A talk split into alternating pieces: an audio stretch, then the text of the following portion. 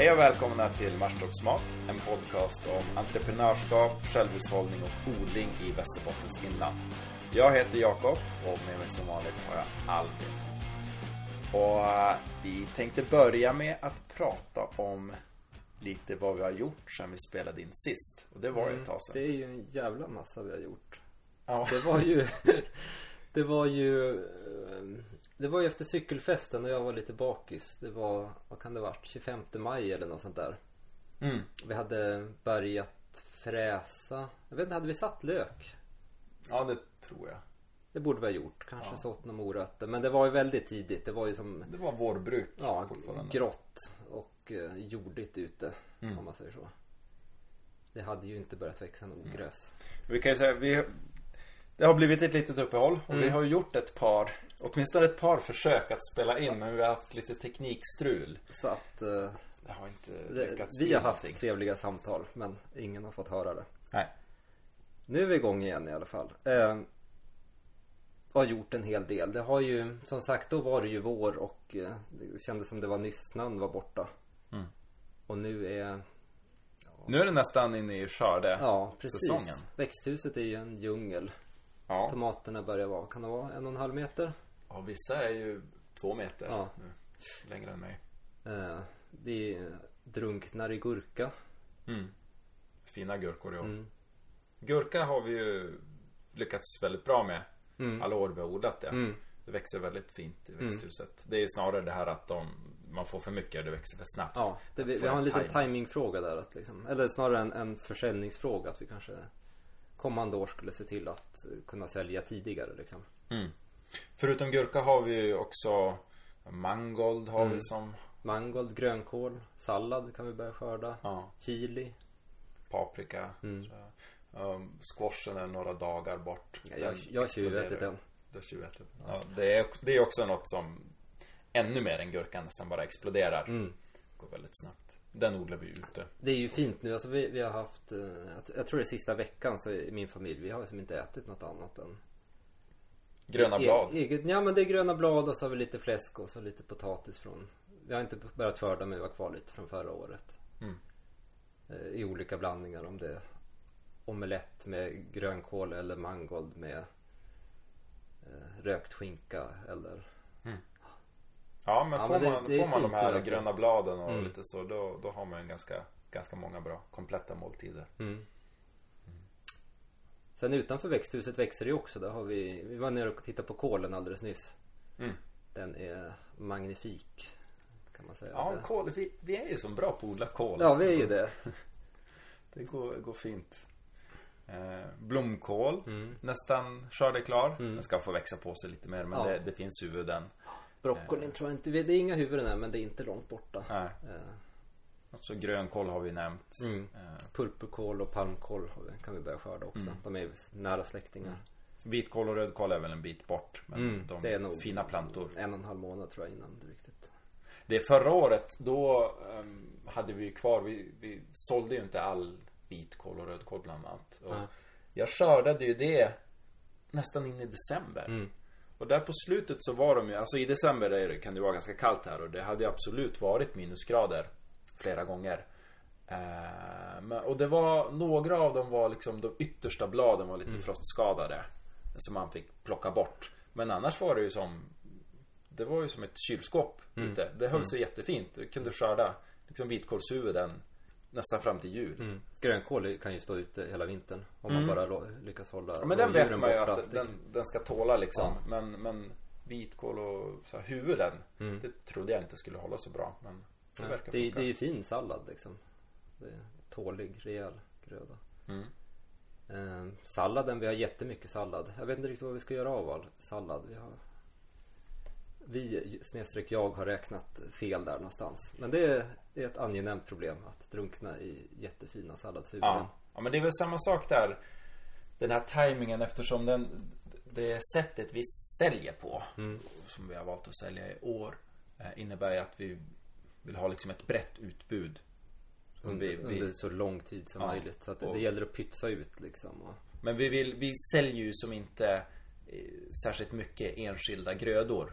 Eh, till privatpersoner i alla fall. Nej, precis. Utan Alltså, vi, vi här- säljer liksom de komponerade kassar egentligen. Ja. Och därför behöver vi ett lite bredare utbud och då, då kan det här uppkomma ibland tajmingen liksom att Oj nu vart väldigt mycket gurka moget men vi har inte liksom alla grödor vi skulle vilja ha riktigt än. ja. Eh, och då får man fundera lite på hur man löser det. Det har vi pratat mycket på sista, alltså nu att, att det borde gå att få fram skörd tidigare liksom. Att, eh, kanske inte vitkål som vi pratade om men, men att ha liksom mycket att sälja redan i ja, mitten av juni egentligen. Mm. Med hjälp av växthus och ja. Och lite hemliga tekniker vi använder oss av. Mm, det tror vi är en stark, alltså här i Västerbotten så är det, det är ju som att eh, skördemarknaden eller börjar i ganska en bra bit in i augusti. Mm. Och det, det är där, kort, så det där, där, kort där alltså. finns ju en marknad liksom att, ta av. Tror vi. Ja. Och just för att många Dels tror jag att eh, Det kan jag berätta förut att jag tänkte nog lite så att det är nog ganska svårt att odla grönsaker här överhuvudtaget. Eh, Så kan en del tänka men samtidigt tror jag att många associerar liksom sommaren med att det finns grönsaker. Nu är det ju liksom på midsommar exempelvis, då är det ju sommar. Då borde det finnas grönsaker. Eh, Jag vet inte om det här är något som kanske skiljer sig mycket beroende på vilken generation man är från. Kanske lite äldre som har varit med, vet att det är liksom det är augusti, september det börjar finnas grönsaker. Men jag tror det finns liksom ett stort sug och en, en eh, att, att många tänker liksom att men nu det är ju varmt ute och gräset är ju grönt och löven har slagit ut. Var är tomaterna? Men det där handlar ju om, det är ju liksom företagsekonomiskt för oss att eftersom skördesäsongen är så kort. Om man, om man bara använder den traditionella då är det augusti, september, bit in i oktober liksom. Mm.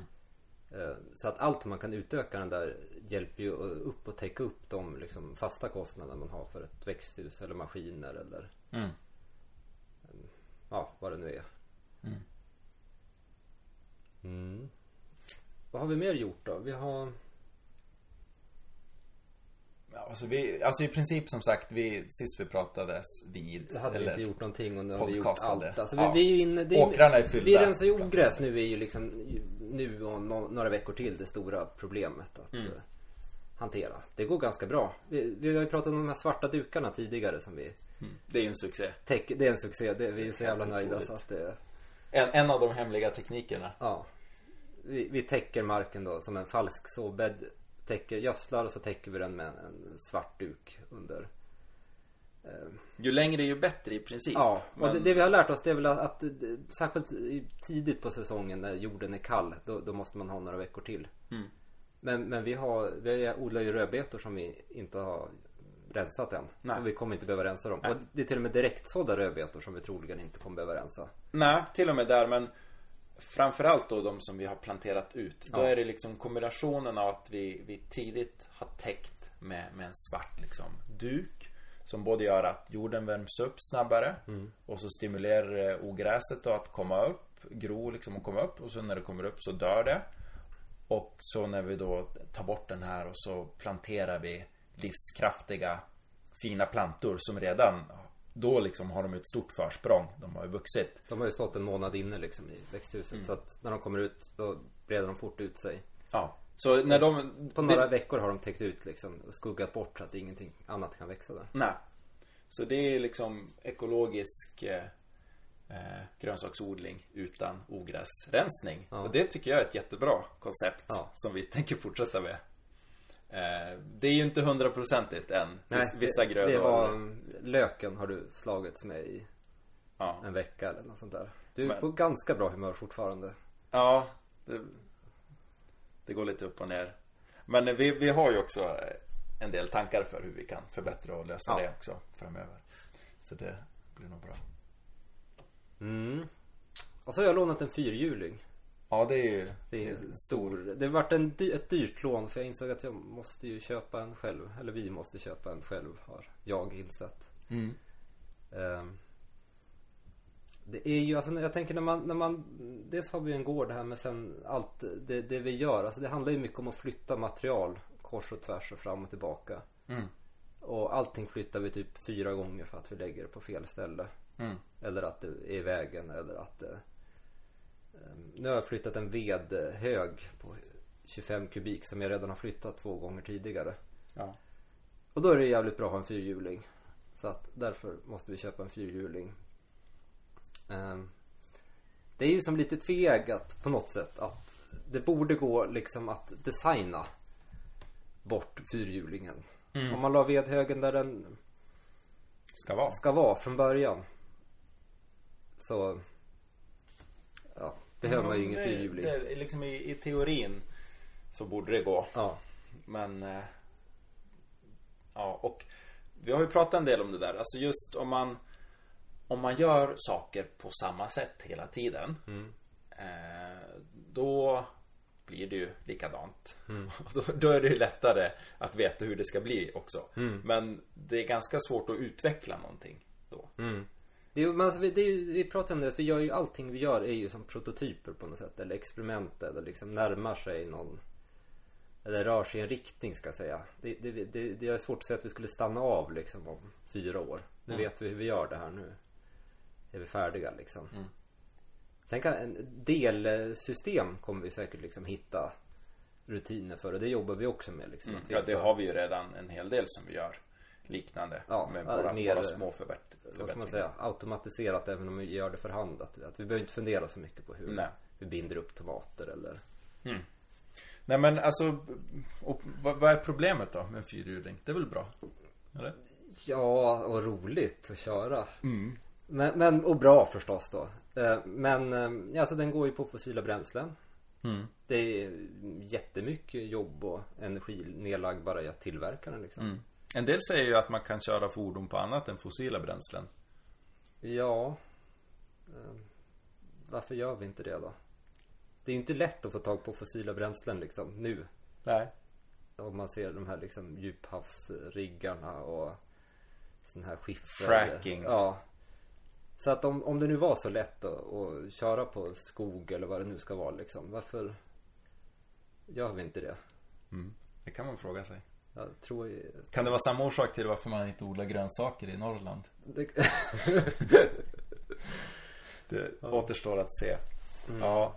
Men, och sen, men då är det väl det där med, alltså det som med fyrhjulingen där är väl att risken när man köper då en fyrhjuling Det är ju att man inte behöver tänka efter Mm. Inte designa lika Ja. noggrant. Att den, den löser liksom med våld sånt som man med eftertanke skulle kunna ha gjort Mm.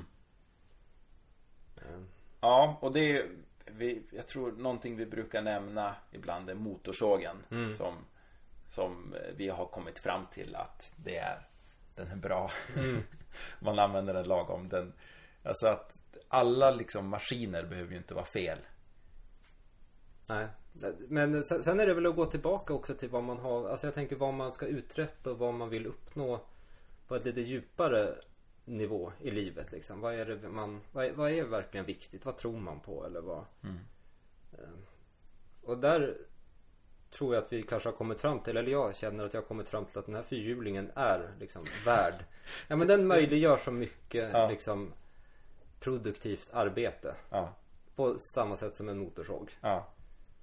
Eh, Ja men och det, alltså mm, Vi behöver ju någonting. Men vi brukar prata, för att någonstans tänker vi också, eh, tror jag vi båda har någon liksom eh, utopisk bild där man klarar sig utan fossila bränslen helt. Att det ändå eh, ska vara möjligt eh, och det finns alternativ. Men exempelvis så, så är ju min fru allergisk mot hästar. Ja. Och tidigare har man ju använt det mycket som arbetskamrater. Mm. Och där kan ju då en fyrhjuling vara ett alternativ. Det är möjligt att hon är lite allergisk mot fyrhjulingar också. Men jag tror det Jag, jag tänkte den skulle stå hemma hos mig. Ja, jo det är det vi har hört. Eh, Men det där det är också ett, ett, liksom ett växelspel mellan, mellan att eh, tänka på i den situation man är nu. Vad är alternativet? Det är väl kanske då att ringa Skrot-Olle varje gång vi ska flytta någonting. Mm. Eller att stå då i en vecka och flytta veden. Mm. Eller inte ens flytta veden och låta den regna bort och så kör vi på el i vinter. Mm. Eller Ja men det är också någonstans att För det vi håller på med mycket är ju någon sorts liksom experimenterande och undersökande och typ av forskning brukar vi vilja kalla det. Eh, och då kan det innebära liksom att vill vi komma någon vart Ja. med det liksom hin- hinna utforska en del.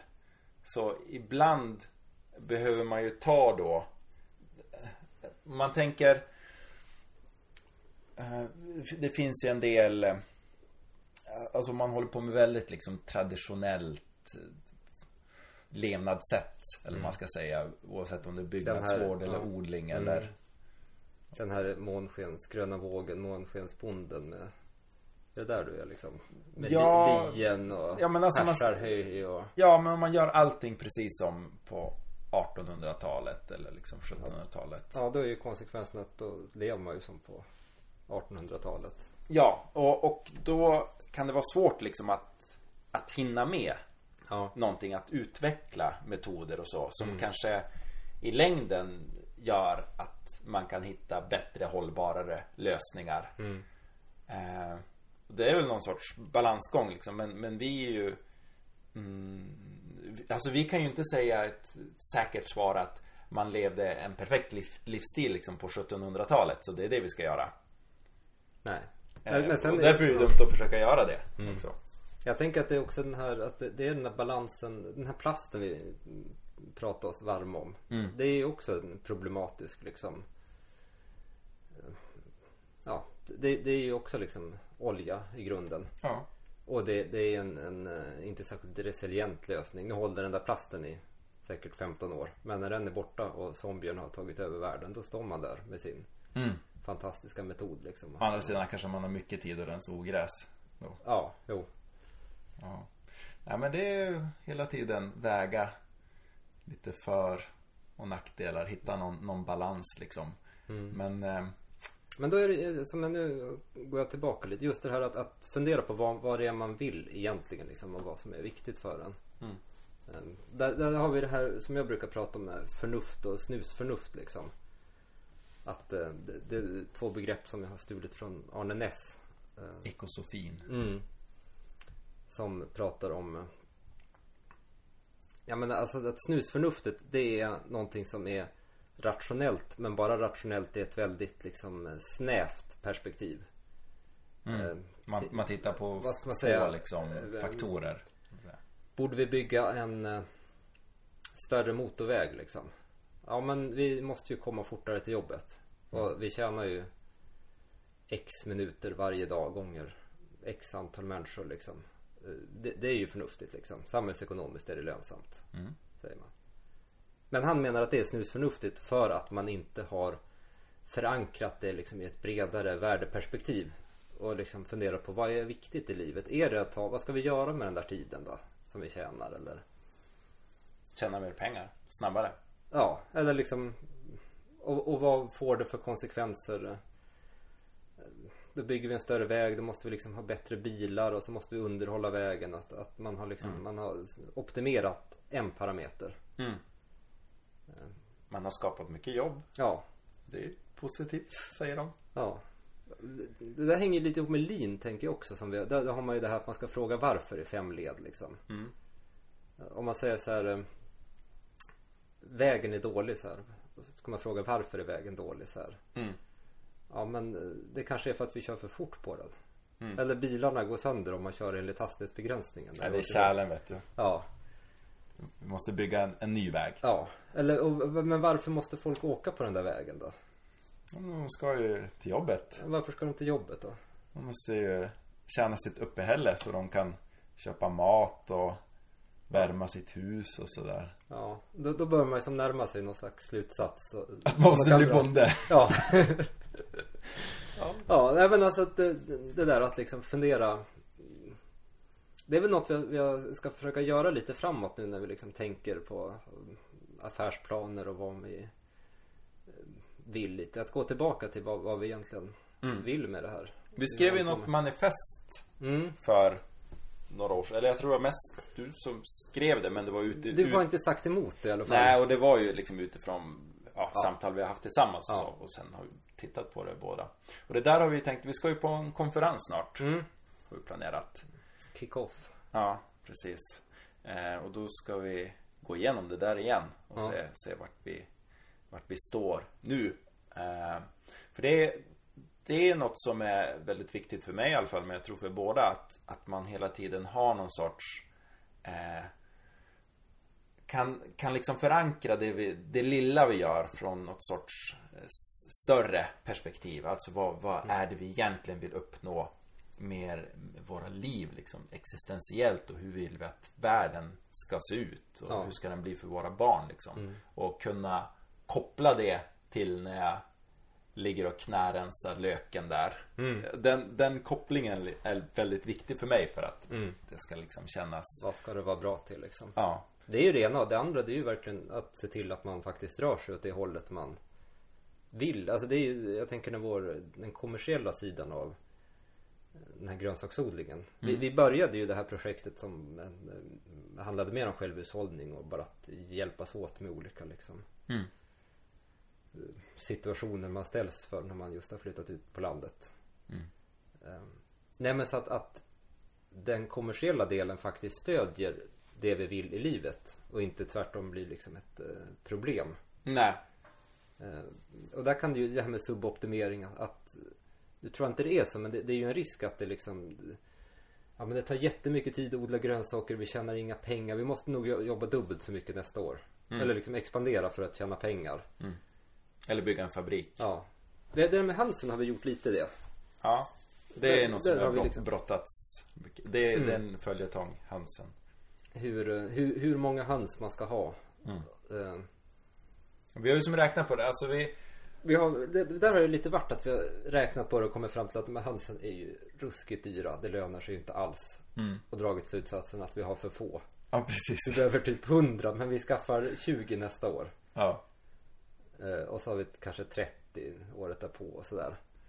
Mm. Eh, och nu har vi väl liksom kommit fram till att det där är lite en återvändsgränd. Eller vi, vi får det liksom aldrig riktigt att fungera. Nej. Och det där, ja, vi har väl ingen slutgiltig lösning men Jag har väl varit inne en del på att alltså en, vissa typer av produktionsdjur om man ser på hur, hur man har haft det kanske mer förut tidigare på, på bondgårdar och sånt. Då hade man ofta ganska lite höns och grisar. Kanske en halv gris per Gris gård. knoen. Ja. Ja. Eh, och och den, den rollen de spelade då, liksom hur integrerade de var i, i helheten tillsammans med andra djur och de grödorna man producerade och så. Att de leder väldigt mycket på liksom, det som blev över. Hönsen åt boss. Liksom. Sånt, eh, man, man sopade upp på, på höloftet och gick och pickade liksom i gödselstacken och sådär. Eh, Och grisarna fick väldigt mycket matrester och, och kanske också rester från mjölkproduktion och så. Och att är i huvud taget eh, lönsamt och möjligt att liksom, föda upp höns, att bara ha höns och ha flera tusen höns som man föder upp. Det är inte säkert att det är det. Veganerna tycker ju inte det. Nej, men de tycker nog inte att man ska ha höns överhuvudtaget. Så det är väl en annan fråga. Sen finns det ju andra som eh, Nej men Jö- Salatin till exempel. Vår Joel Salatin. Mm. amerikanska cowboy-idol. Mm. Eh, har ju ett, ett system som verkar väldigt välutvecklat med liksom höns på bete. Mm. Eh, men, men det är väl också att, ta det, att orka ta det hela vägen. Att, Ja. att det liksom eh, Hönsen har blivit eh, halvstora, tar ganska mycket tid när vi räknar på det. Mm. Eh, men går egentligen med förlust år efter år. Ja. Hela två år har de gått Ja. förlust. Så länge som vi har haft höns. Ja men vi ser ju ingen bättring liksom. Nej. Så att antingen är det liksom att vi ska anställa någon för att, styra upp det där. Mm. På det, alltså, för vi hinner inte. Nej. Eller så, så dra tillbaka det till mer en, en Ja. personlig. Eller? Ja, just nu är jag ju lite mer inne på det här att se om man kan integrera dem mer att ha få och att de liksom rym, ryms inom ramarna för mm, liksom ta rätt på, på spill och sådär. Ganska mycket. Eller kanske inte ha djur överhuvudtaget. Nej. Grisarna är jag ju lite less på nu. Mm. alltså det, det är ju Men du har ju blivit bra på att jaga dem. mm, Eller, De har rymt sju Vallar gånger dem. ungefär och så ringer det någon granne eller kommer med någon fyrhjuling eller något och säger det står något något djur. Något djur bort på Renmansåkern. Jag vet inte, det är väl era grisar. Ja. Eh, Men som sagt, alltså nu är jag ganska bra på det så nu cyklar jag iväg och tar Jag har ett sånt här eh, VP-rör, tre meter som jag föser dem med. Ja. Men de gillar ju som att vara ute och jogga Ja. med oss. Jo. Men, eh, men alltså de, de grisarna de, de äter ju så hemskt och bökar så hemskt. Och... Mm. Man förstår ju varför många har grisar på betonggolv. Ja det, det är ju hållbart om man säger så. Ja. En gräsvall är ju inte så hållbar.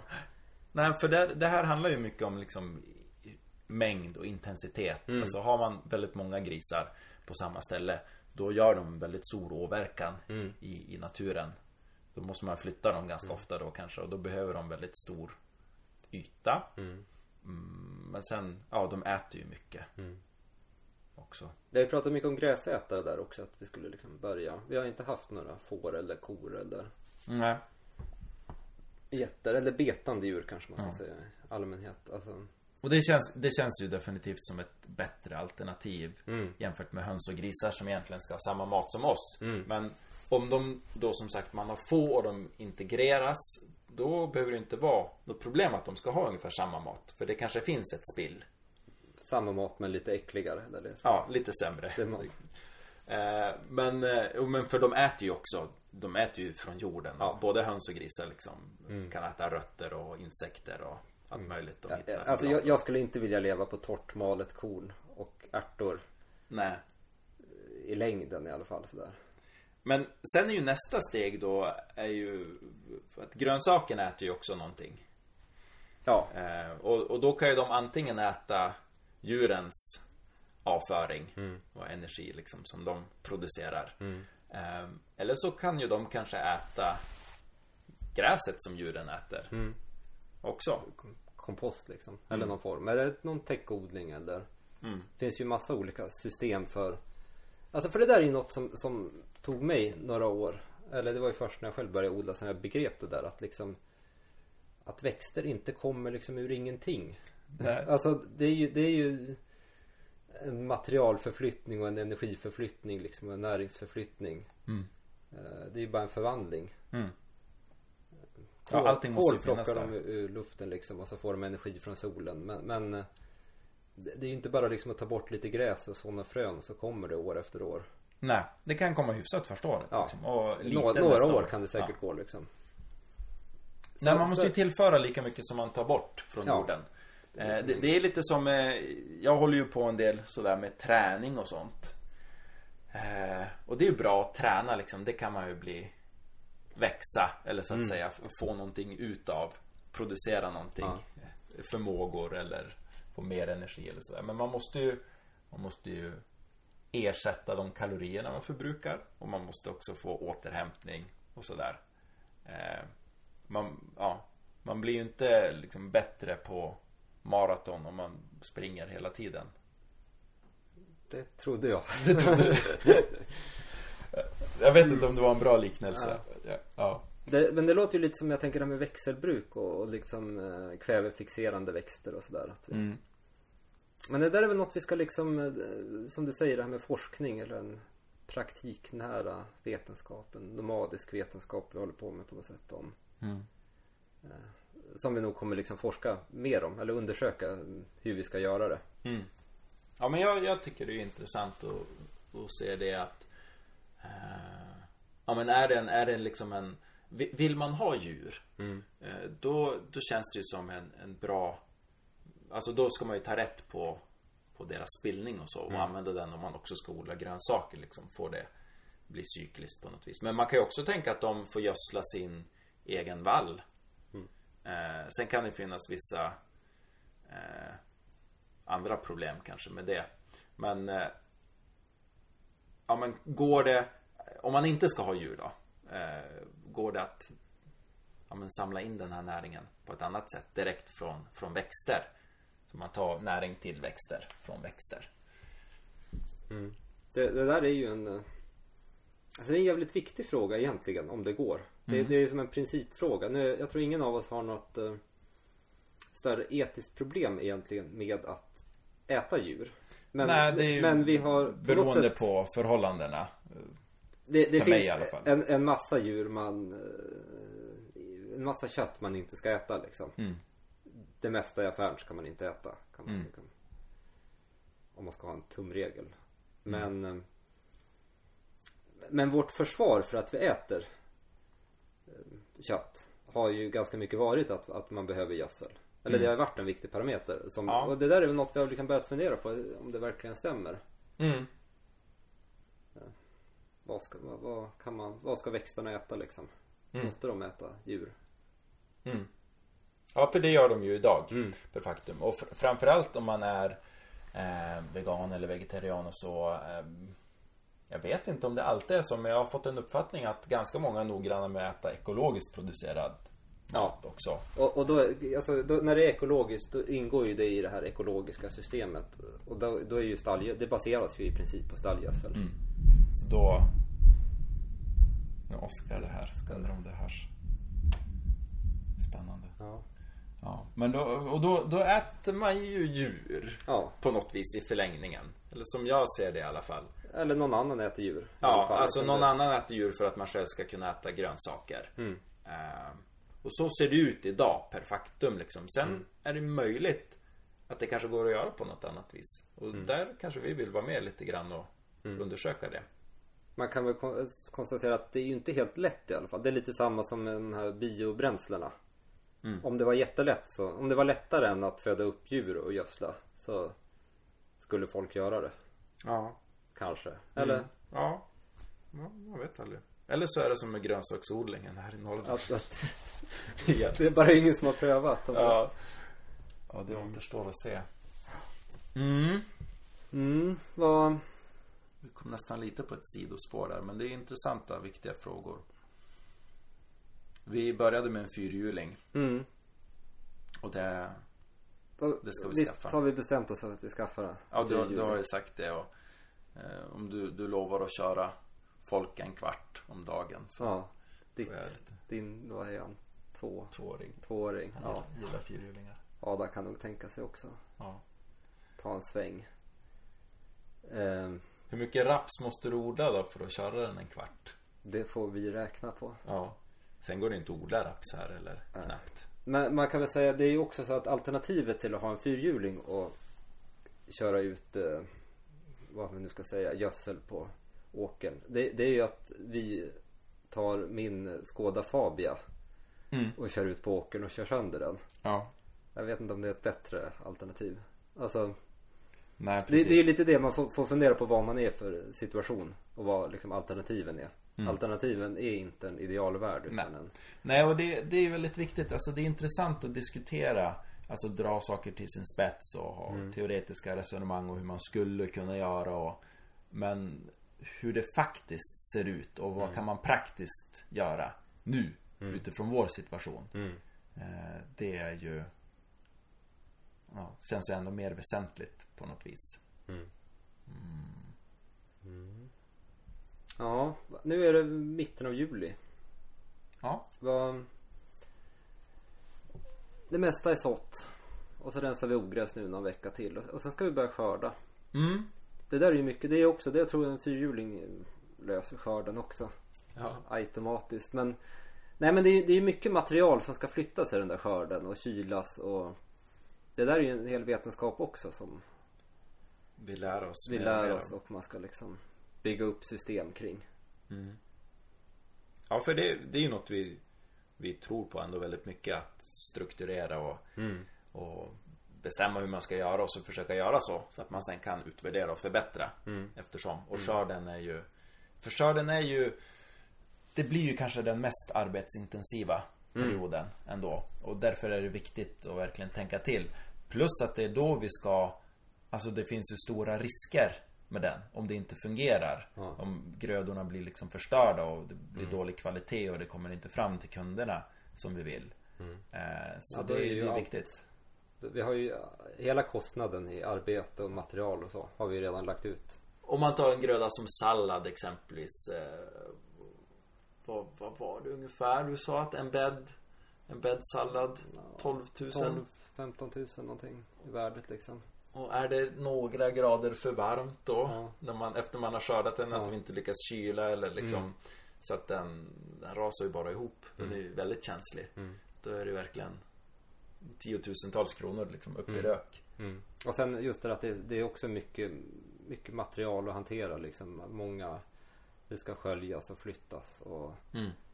Så att det är ju mycket arbete. Man, man, det känns också som att det det vi har varit sämst på att styra upp.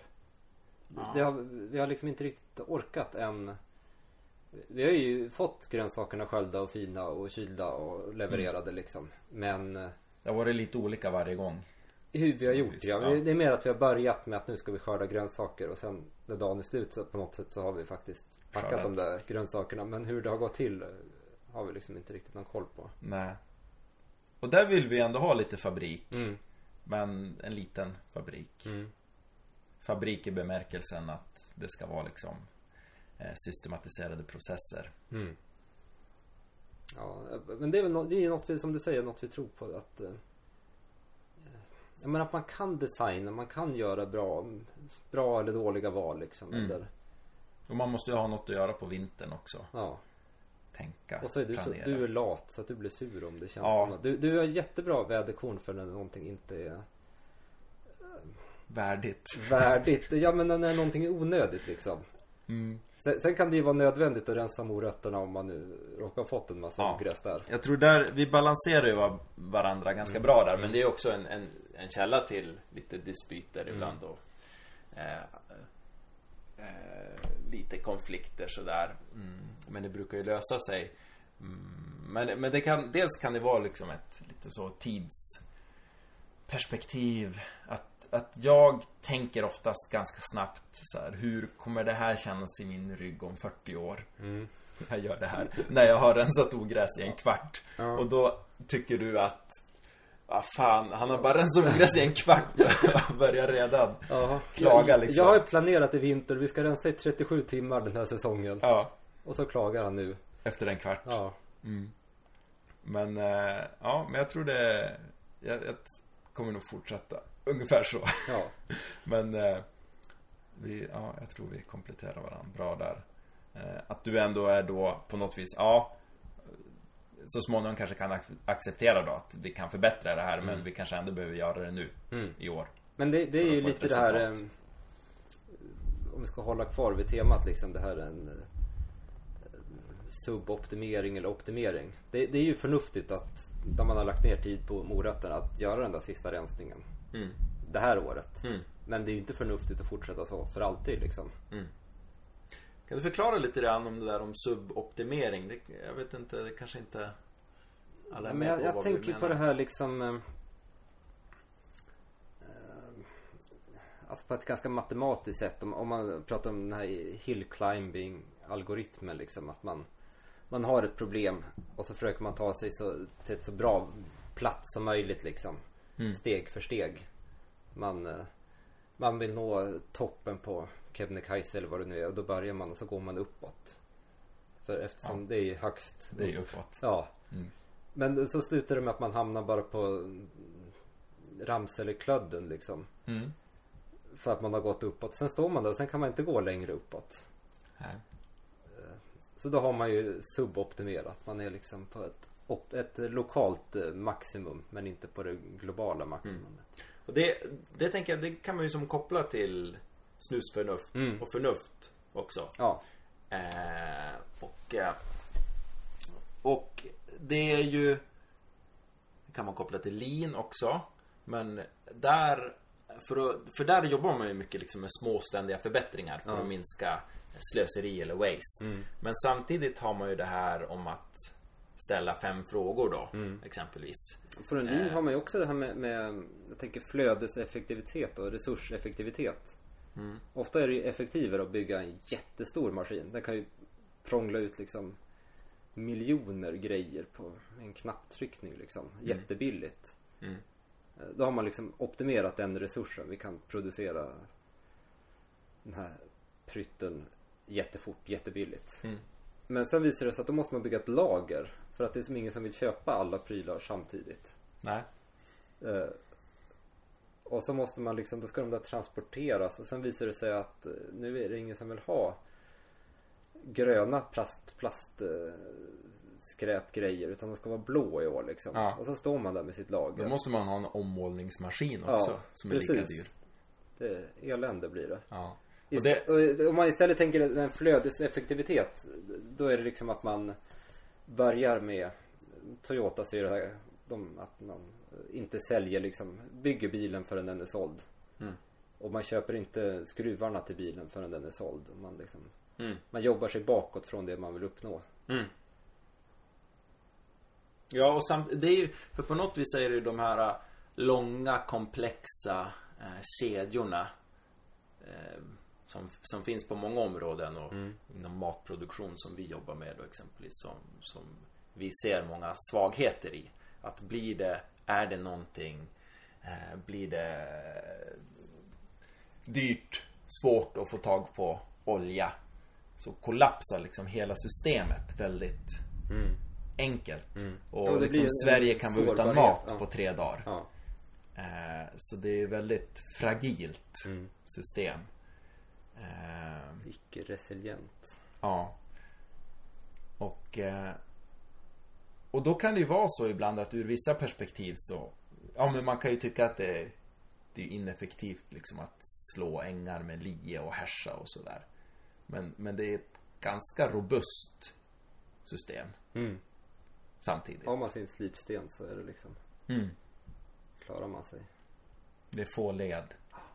Så, men, men samtidigt så tycker vi att motorsågar är bra. Mm. Så det är någon balans där. Och att utforska det.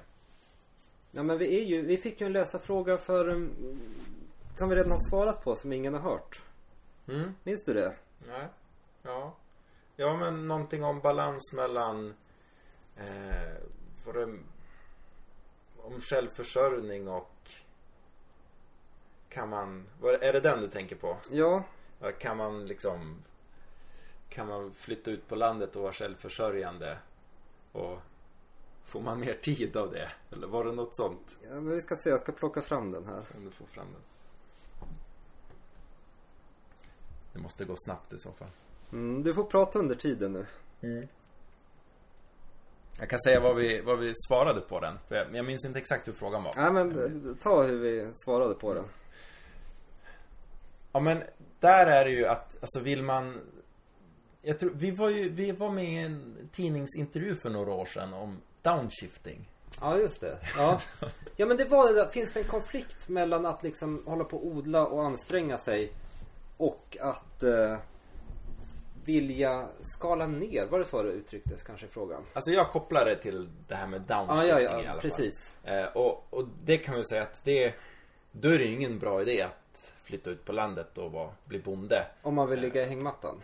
Ja, Så eller liksom om det, om det är ens liksom huvudsyfte. Så att hitta någon väldigt billig stans att bo i en stad istället. Eh, och, Lagom stor lägenhet i en förort nära Willys liksom. ja, Så. man kan dumstra all Ja, sin mat. ja. Det har min bror gjort i perioder. Han har liksom försörjt eh, både sig själv och, och min mamma när han bodde där. Eh, de köpte ingenting liksom. Eh, och ja men man kan ju hitta man kan ju köpa eller få kläder väldigt billigt liksom på second hand och sådär. Alltså det finns ju ett väldigt stort överflöd i dagens samhälle. Eh, på grund av att vi vi, hjulen snurrar väldigt fort och det blir väldigt mycket waste. Och att ta vara på det, det är nog liksom det bästa sättet att downshifta på. Men det är ju också beroende då av att det finns det här att vi har liksom konsumtionssamhället, att hjulen snurrar fort och att vi producerar mycket snabbt så att det blir mycket över. Skulle det ändras så kan man ju inte upprätthålla den livsstilen. Och vi är ju kanske mer intresserade då av att utveckla och undersöka en annan typ av livsstil som, som fungerar. Och ha liksom eh, Ja men alltså det, det handlar ju om att få ut mycket av livet liksom på något sätt också. Eller liksom de här erfarenheterna man, man får av att jaga grisar på midsommarafton eller Mm. trasiga vattenledningar mitt i vintern eller Ja. eh, ja men, men också Nu kommer jag in lite från sidan här känner jag mig. Ja, jag har suttit och bläddrat i mobilen där. Eh, nej men, eh, ja men att få ut någonting av livet, är det liksom, vill man bara ligga i hängmattan? Man, alltså, för mig är det ju exempelvis det här med att få vara ute och jobba allsidigt fysiskt med kroppen. Mm. Eh, utifrån mitt liksom, kunskapsområde som fysioterapeut och sådär så, så, så eh, vet ju jag en del om att eh, vi kanske är stilla för mycket. Mm. Och att det är ett väldigt stort problem för många. Och att samtidigt ingår ju Är det. gy- gymmet en form av suboptimering? Ja, det, nej, fast nej, det tycker jag är ett vanligt missförstånd. För jag tror det var ju liksom ett, ett problem förr när man var väldigt mycket fysiskt aktiv och jobbade hårt.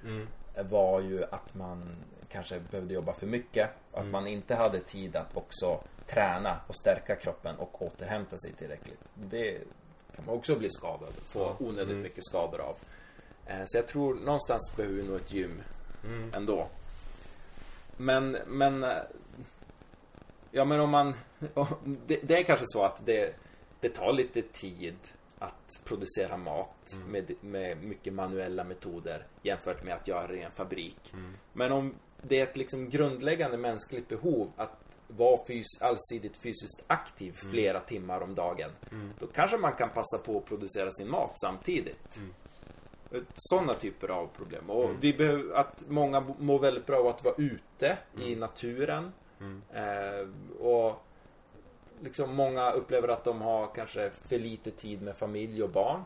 Man skulle vara bra att jobba hemifrån mer. Det finns liksom många aspekter. Mm. Som, som jag ser att vi delvis löser i alla fall med, med den här livsstilen. Andra delen av den här frågan som vi inte riktigt minns, så jag inte har hittat i mobilen nu. Det var liksom så här typ om vi eh, Klarar ni av att fara på stan och köpa typ en eh, varmkorv? Mm. Eh, och lite hur det har förändrat oss det här att hålla på med odlingar och sådär. Mm.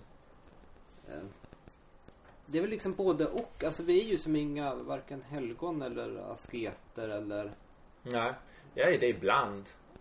Men det går lite upp och ner. ja. Helgon. men, men asketisk kan jag nog vara i Ja. perioder. Mm.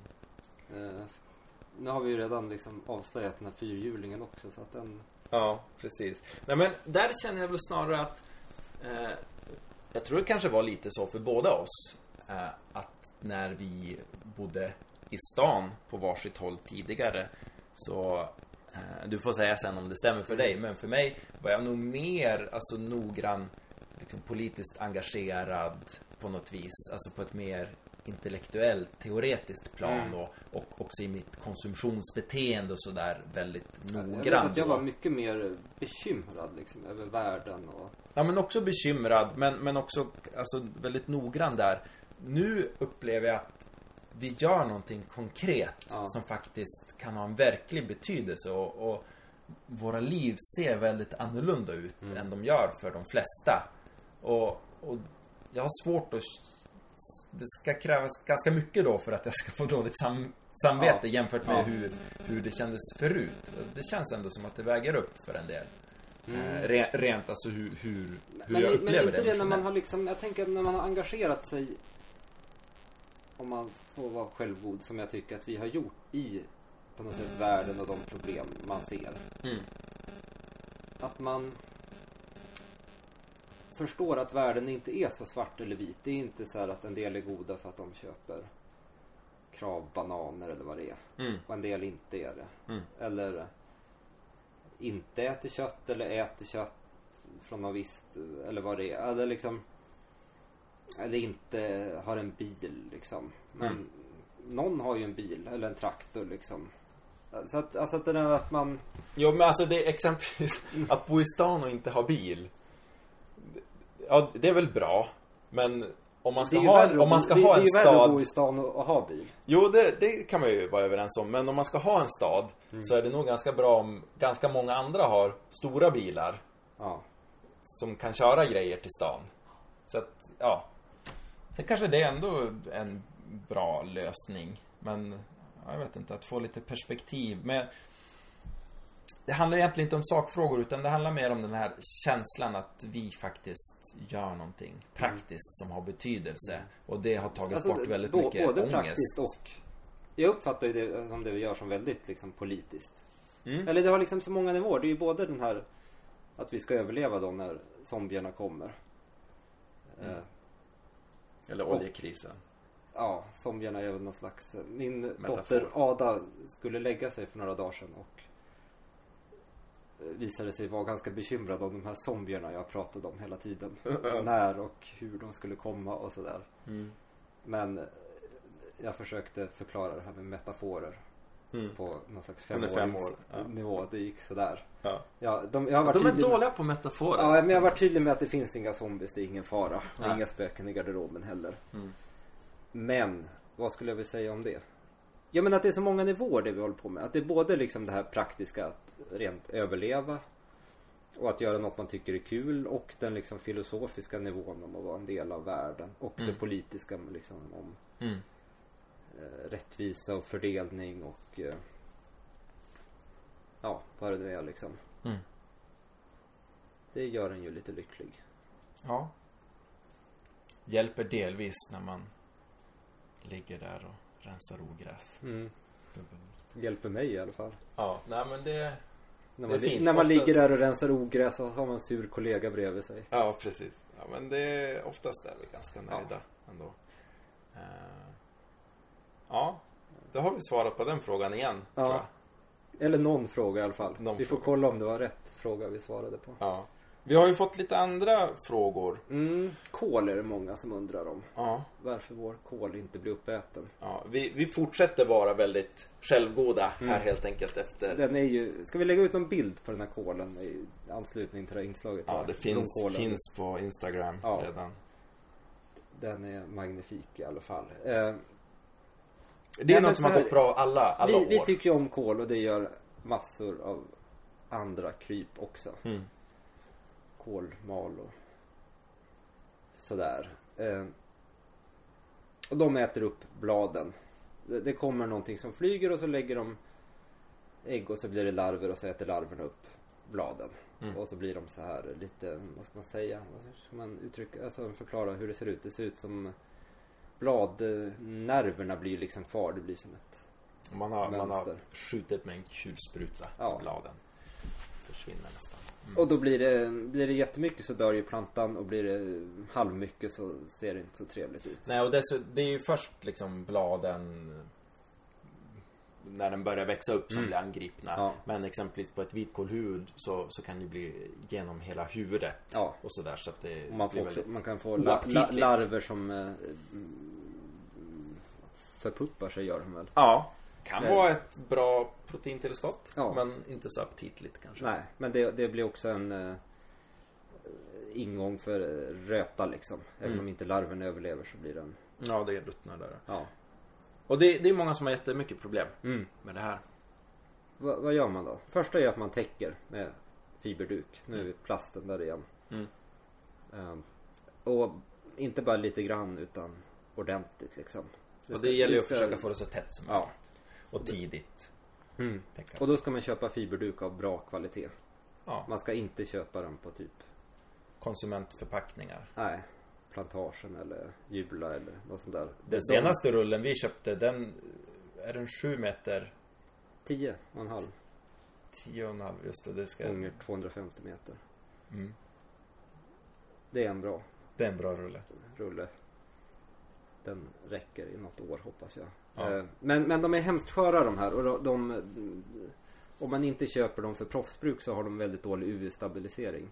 mm. Och de, de blir som bara Faller sönder Ja, blåser bort. Får man massa plast i Ja. åkern Lindblomsfrö har ganska bra. Även i mindre storlekar om man Mm. odlar hemma. Eller kolonilotter och sådär. Men det är ju det ena Mm. eh, Och det hjälper nog delvis Men jag tror inte att det är det som hjälper mest Nej, Utan det andra är ju Kravgodkänd biologisk krigsföring Ja. Mot de här krypen Eh, ofta så tar man ju liksom om ekologiska odlare att de inte Nej, vi besprutar inte. Nej Eh, då ljuger de. De sprutar kolen. Mm. Jag tror inte det finns någon professionell odlare i Sverige som... Men det finns ju alltså vissa Men, då- men det här är ett, ett biologiskt, en bakterie egentligen som man blandar med vatten och sprutar ut. Som, eh, jag, jag tror vi gör bort oss om vi går in på allt för mycket detaljer. Men, men, men, men larverna äter det här och får ont i magen och dör. De får ont i magen Ja Eh, Turex Turex heter det. Det finns eh, i små konsumentförpackningar också. Som heter något larvbort bort eller larvfritt eller något sånt där. Mm. Eh, det skulle vi gärna slippa. Men Ja, det kanske krävs en fabrik för att producera det här. ja, det gör det ju. Det är ju inget man... Det är ingen Rör ihop vanlig hemma. förkylningsbakterie om man säger så. Nej. Men det här är ju då eh, liksom, eh, den bryts ner, det är ingen karenstid, man får äta det Mm. gröna direkt och sådär. Men det, det är det vi använder. Ja. Täckning och så spruta med kravgodkänt Turex. Ja, lite efter behov men man får ju vara väldigt med i början när, de... I år hade vi jättemycket angrepp från början. Nu är de nästan borta, jag vet inte vart de har. Men jag tycker som förra året då vi sprutade några gånger Mm. med liksom jämna intervall, kanske Mm. varannan vecka eller något. Knappt. Knappt. Men sen slutade vi spruta Ja. i typ augusti. Mm. Alltså, och det blev inte så mycket mer. Nej. Så det, det är väldigt lite egentligen Mm. ändå vi har sprutat. Men jag tror det har varit ganska avgörande. Jo, jo nej men annars man, man ser också när man har... Om det är någon som växer där man inte har sprutat så blir det som ingenting kvar av dem. Nej. Och det, det är mycket som är kol. Mm. Inte bara vitkål. Nej. Exempelvis rucola går de på. Ja. Eh, grönkål. Men just en del alltså gröna blad också Mm. med salladsvarianter Mm. kan de ju gå på. Mm. Nej men så det gör vi. Mm. Och det är svaret på den Fi, frågan. fiberduk och Turex. Mm. Finns inget alternativ Nej. som vi känner till. Nej. Vad, vad händer nu då? Framöver? Ja men nu ska vi försöka rensa ogräs. Vi, vi ligger lite efter kan man säga. Men ganska bra. Det, det är ju mycket det där med ogräs att man måste passa in det. Jag vet inte om det hörs på inspelningen men det regnar nu och har gjort det i några dagar. Mm. Åskskurar. Och när det, när det är blöt jord så är det hopplöst att rensa ogräs. Det blir bara Hopplöst att plantera. Ja. Men, Det men, går bra att spela in podcast. Ja. Förutsatt att det inte blir olyssningsbart när det smattrar mot plåttaket. Men... eh, Nej men så det gäller att passa det där så att man... Det bästa är att rensa när jorden ska vara ganska torr. Och sen att det ska vara torrt några dagar så att ogräset verkligen eh, torkar bort det man har dragit upp. Mm.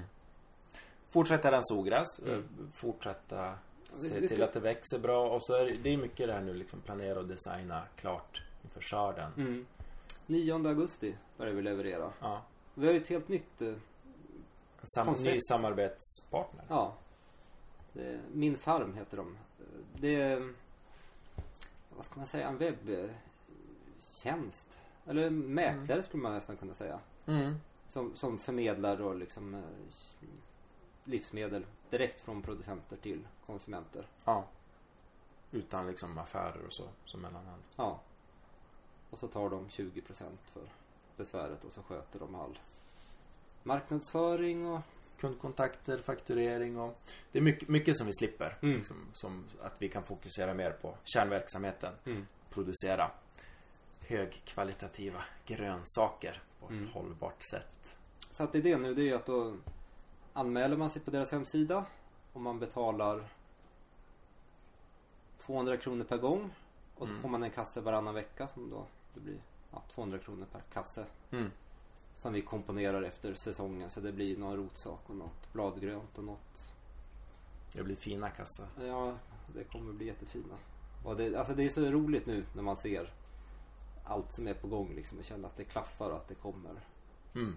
kommer bli bra Mm. Men i alla fall, då får man dem Antingen hämtar man dem i, på Umestan det det Man ska ju bo i Umeå är ju liksom grund Ja, min farm finns ju på några andra orter men vi levererar inte till Stockholm. Nej, Våra grönsaker precis exempelvis. eh, Ja. Man, man kan antingen hämta ut det där på en droppoint. Ja, Eller så kan man få hemleverans också. för någon extra peng som jag inte vet hur mycket Mm. det är Men det här, det är ju, för oss känns det ju jättebra Det, det är ju en chans dels att öka liksom marknaden och nå Umeå som vi inte har gjort riktigt än Mm. Och eh, Ja men att det är mycket filosofin den här att, att ha en direkt kontakt Att vara personligt ansvarig för Vad vi levererar liksom Att kunderna vet varifrån det kommer Och vi kommer ju också samtidigt fortsätta med någon typ av gårdsförsäljning. Mm. Direkt ifrån odlingarna. Någon typ av självplock egentligen. Ja Det, Eh, det är och- ju liksom det riktigt lokala Ja, men också en möjlighet för, för kunder och så Att och komma andra hit, intresserade Ja. från Umeå och så att få För det, det är ju den här lite eh, Det är också ett syfte med, med podcasten och så Något lite eh, pedagogiskt att få berätta och, och, och sådär informera och ha nära relation till Mm. Till kunderna Att få vara någons bonde Ja, Lite grann ja. Det Och, och det här, ja, men, och, och att folk får se hur, hur Hur det växer liksom mm. Det är jord, eller liksom, ja, ja, det är så många delar kring det där som Mm. Ja men det är, det är en fin tid Mm. nu framöver. Det, och det känns, vi har ju Vi är ganska eh, positiva. Självgoda Själv, Odrägliga ja, det, det, det blev ett väldigt självgott avsnitt det här tror jag. Men eh, det, vi behöver vi behöver Men det, allt är ju inte perfekt, det kommer bli ännu bättre nästa år Det, är, Det blir alltid det. ja. det. Det är väl det klassiska bonde. mm. Nästa år. Då. vi, vi är ju redan att vi börjar, har börjat planera och liksom anteckna Men det känns som att det blir värre och värre. Det blir liksom Vi har kört nästa år ett tag men nu börjar det vara mer så här Om fem år. Tänk om tio år. Ja, Ja, vet inte vart det ska sluta. gå här i vårt imperium Mm. mm. Ja. Ska vi nöja oss så? Jag tror det. Eh, Vi har nog Vi har pratat på ett tag. För att Eh. kompensera. Men uh, lyssna frågor eller kommentarer eller Feedback. Har vi varit något oense idag? Det är ju en feedback vi har fått att vi är så överens om allt. Jag vet inte. Du har gått med på fyrhjulingen. Ja. Nej. Vi, Öva på vi det. får tjuvspela in Mm. när vi Det, det, det är ju lite så att vi, vi liksom löser ju många av de här konflikterna ändå. Mm. Det är ju något som gör att det faktiskt fungerar. Att båda är ganska intresserade av att liksom Kommunikation. kommunikation och människor och känslor och eh, eh, att kunna koppla det här. Nu är jag arg eh, men Spinoza sa någonting. Eller liksom att, eh, Ja. att sätta det i ett sammanhang sådana där Mm. konflikter. Förhålla sig. Mm. Det blir bra. Mm. Som sagt, feedback, frågor eh, tar vi gärna emot. Rättelser. Var, vart kan man få tag på oss om man vill ställa en fråga exempelvis? Kan man mejla oss? Man kan mejla oss, man kan kommentera på bloggen. Ja, det är ganska bra. Det är nog det. Och där kan man, finns det också mejl. Ja, precis. Så marstorpsmat.se är ju dit man ska gå. Ja. Sen finns vi på Instagram om man vill. Och vill man köpa våra kassar så är det Minfarm.se Ja, eller så går man in på vår hemsida. Det är Ja, nästan det finns det lättaste. Där finns länkar direkt till. Bra! Jättefina kassar kommer det vara. Jättefint. Prisvärda. Vi kan inte tro så fina. Mm. Det blir bra. Vi nöjer oss så. Mm. På återhörande. Hejdå.